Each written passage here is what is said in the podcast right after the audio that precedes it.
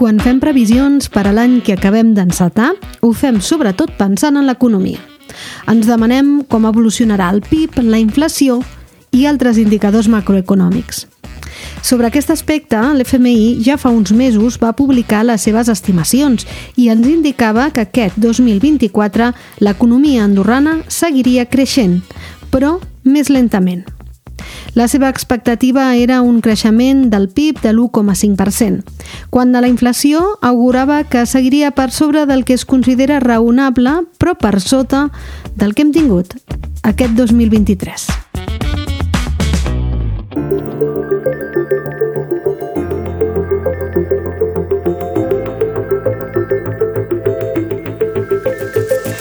Hola, sóc Esther Pons i això és l'Altaveu a fons. Aquesta setmana no us parlaré, però, d'economia, o no només d'economia. El primer podcast de l'any farem, amb els companys de l'Altaveu Digital, la nostra previsió de les notícies que ens mantindran ocupats. I com molts ja haureu endevinat, l'habitatge continuarà ocupant moltes línies i molts minuts de podcast. Així ho pensen la Meritxell Prat, l'Alba Baró i l'Albert Sant Joan. Des del meu punt de vista, el 2024 estarà marcat novament per tot el tema habitatge, perquè és un tema que arrosseguem i que òbviament no se soluciona en dos dies i per tant crec que serà un any encara en què parlarem molt d'habitatge. Caldrà veure com evoluciona el mercat, si el descontentament de la població segueix fent-se sentir pels carrers de la Vall Central per reclamar un habitatge digne, si les decisions preses comencen a donar els seus fruits i quines decisions, a més a més, s'han de prendre per solucionar la problemàtica.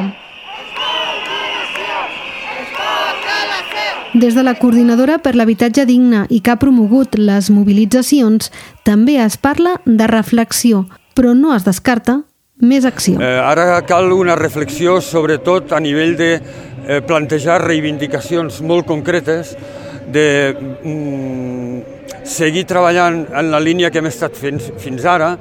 Eh, si hem de plantejar alguna acció més, jo crec que és més aviat mm, en un futur no llunyà, però sí a partir del moment en què tinguem clar quines, clares quines són les reivindicacions que nosaltres volem exigir a govern. Veurem què se n'extreu d'aquest grup de treball de, per l'habitatge que lidera Conxita Marsol amb els grups parlamentaris i també doncs, amb els actors de la societat eh, civil.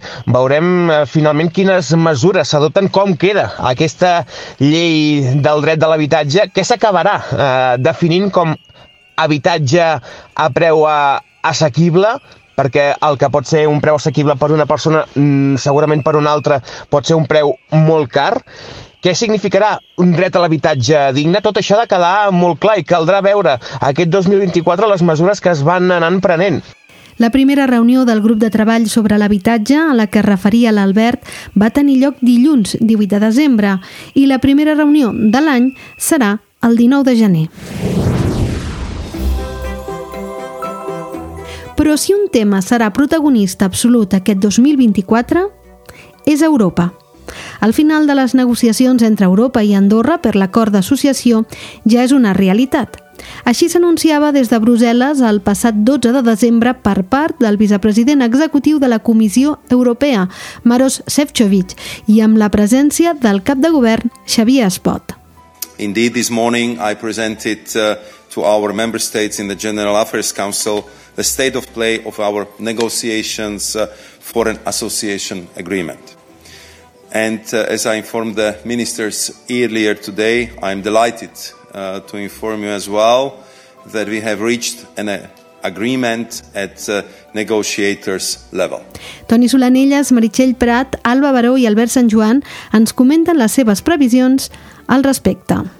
Aquest 2024, entre allò que és previsible en començar-lo, segur que la Unió Europea serà protagonista. L'acord d'associació amb la Unió Europea que està acordat quan a les negociacions i que durant el primer semestre de l'any doncs s'haurà d'acabar de polir el que és el text definitiu. Un cop eh, doncs, tancat el text, més o menys, estem a l'espera ja sabem que hi ha, hi ha d'haver doncs, el text definitiu, la rúbrica, referèndum, per tant... I a partir de llavors tot se centrarà en un referèndum que s'hauria de celebrar cap a final d'any i que pot tenir conseqüències importants tant si guanya el sí com si s'imposa el no. Se li gira feina al govern per informar la ciutadania sobre el que implica aquest pacte i que els andorrans i andorranes decidiran si comporta més avantatges o inconvenients pel país. Caldrà veure eh, fins a quin punt govern i els eh, partits que formen part del pacte d'estat acaben doncs, convencent a la ciutadania de les bondats d'aquest acord d'associació amb la Unió Europea. S'ha d'explicar molt bé i caldrà veure també eh, què passa si surt surt no, perquè ni Maro Sefcovic ni Xavier Espot han deixat negre sobre blanc què passarà si en el referèndum eh, es surt. No. Es parla d'un futur incert, però quin futur incert tindrà Andorra o què li espera Andorra si el referèndum de finals d'aquest 2024 surt no, perquè la ciutadania això ho ha de saber. I per tant, i quan més aviat s'expliqui millor perquè la gent doncs, ha de saber el que ha de votar lligat amb aquest referèndum, eh, previsiblement la visita del copríncep francès, d'Emmanuel Macron, president de la República Francesa, que per molt que de moment el govern ho vulgui vendre com una previsible visita institucional del cap d'estat, és obvi que el cap d'estat, el francès, és un dels grans defensors de la Unió Europea i, per tant, Macron vindria a fer campanya abans del referèndum. I anem a temes més locals. El nostre company Toni Solanella recorda que aquest any haurem d'estar pendents dels nous comuns després de les eleccions comunals.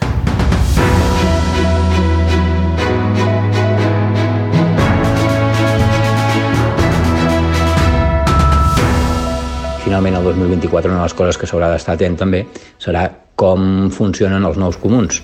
Amb cinc comuns que han canviat de cara en els mm, consulats majors i a més a més dos d'ells que ho fan no només canviant de cara sinó també una mica probablement com a mínim de línia política o de grups polítics que dirigeixen aquestes corporacions parroquials.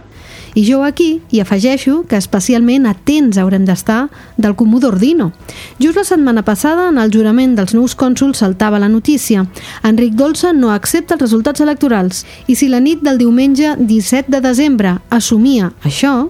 Les urnes manen i, per tant, un, quan acabi la campanya electoral, ha d'acceptar el que diu l'urna i nosaltres ho acceptem democràticament i ja està. Ara pensa diferent. Jo diria, jo diria que com el futbol, no? Aquest partit no s'ha acabat, que de la pròrroga i els penals. Nosaltres anirem fins al final. I si cal arribar a Estrasburg, que arribarem a Estrasburg. Per tant, no ens creguem nosaltres, avui no ens sentim uh, uh, perdedors d'aquestes uh, eleccions. Avui ens havíem inclús plantejat no vindre a jurar, però al final hem reflexionat i hem pensat de que uh, aquesta polèmica l'electorat en general no, no se la mereixia i per això he vingut. Hi ha una cosa que està clara, miri, a dins de la meva família, els meus fills van anar a votar a la Batllia els van fer firmar per darrere. A dins de la meva família, la meva germana i el meu cunyat van anar a la Batllia els van fer firmar per davant. Per tant, això ja és irregular. Per això, amb aquest tema, a Estrasburg anulen unes eleccions, segur. I ja no vull anar més lluny, perquè quan no hi ha proves no es pot parlar de sospita. I la cònsul major, Maria del Mar Coma, ho lamenta. Això és, jo penso que és un flac favor que li fem a la democràcia, que faci aquestes declaracions. Eh, realment em sembla una mica lamentable les seves, les seves declaracions. Si ho haguessi guanyat segurament no s'ho haguessi plantejat aquest, aquest tipus de, de, de declaració. No es pot utilitzar el sistema democràtic quan a un li va bé i quan no li va bé dir que, que no serveix, que no és bo. No? Doncs si Dolça amenaça en portar la justícia a les eleccions i arribar fins a Estrasburg, ben segur que continuarem parlant del tema aquest 2024. I no només això, el Comú d'Ordino haurà d'estar molt pendent del seu pla d'urbanisme i del futur de Grífols. Nosaltres també. Pel final, hem deixat els esports.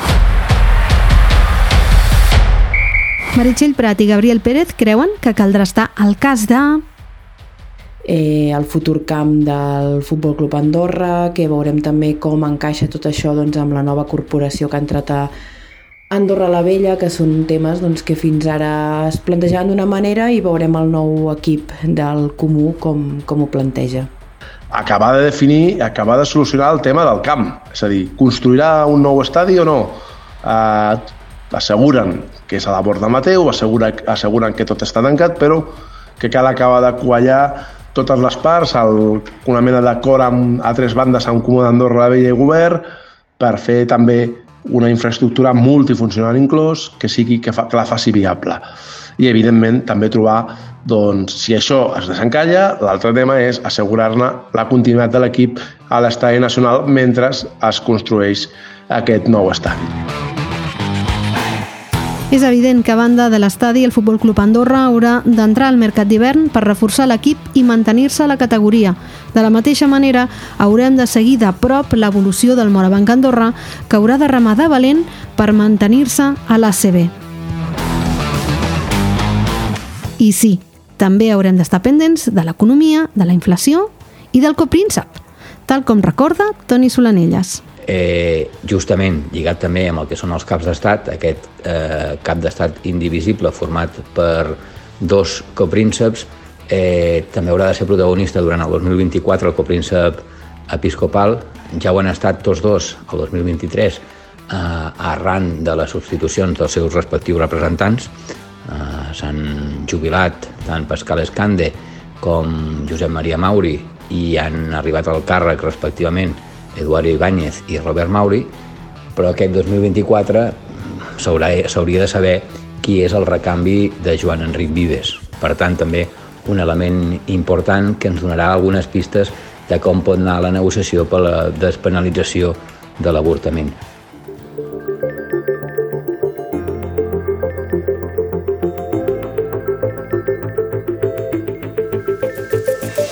Aquestes són les nostres previsions. Quines són les vostres? Us convidem a pensar-hi en aquest inici d'any. Això ha estat l'Altaveu a fons. Aquest episodi l'ha realitzat qui us parla, Esther Pons, amb la col·laboració de la redacció de l'Altaveu Digital. Espero que us hagi agradat. La setmana vinent tornem amb més històries.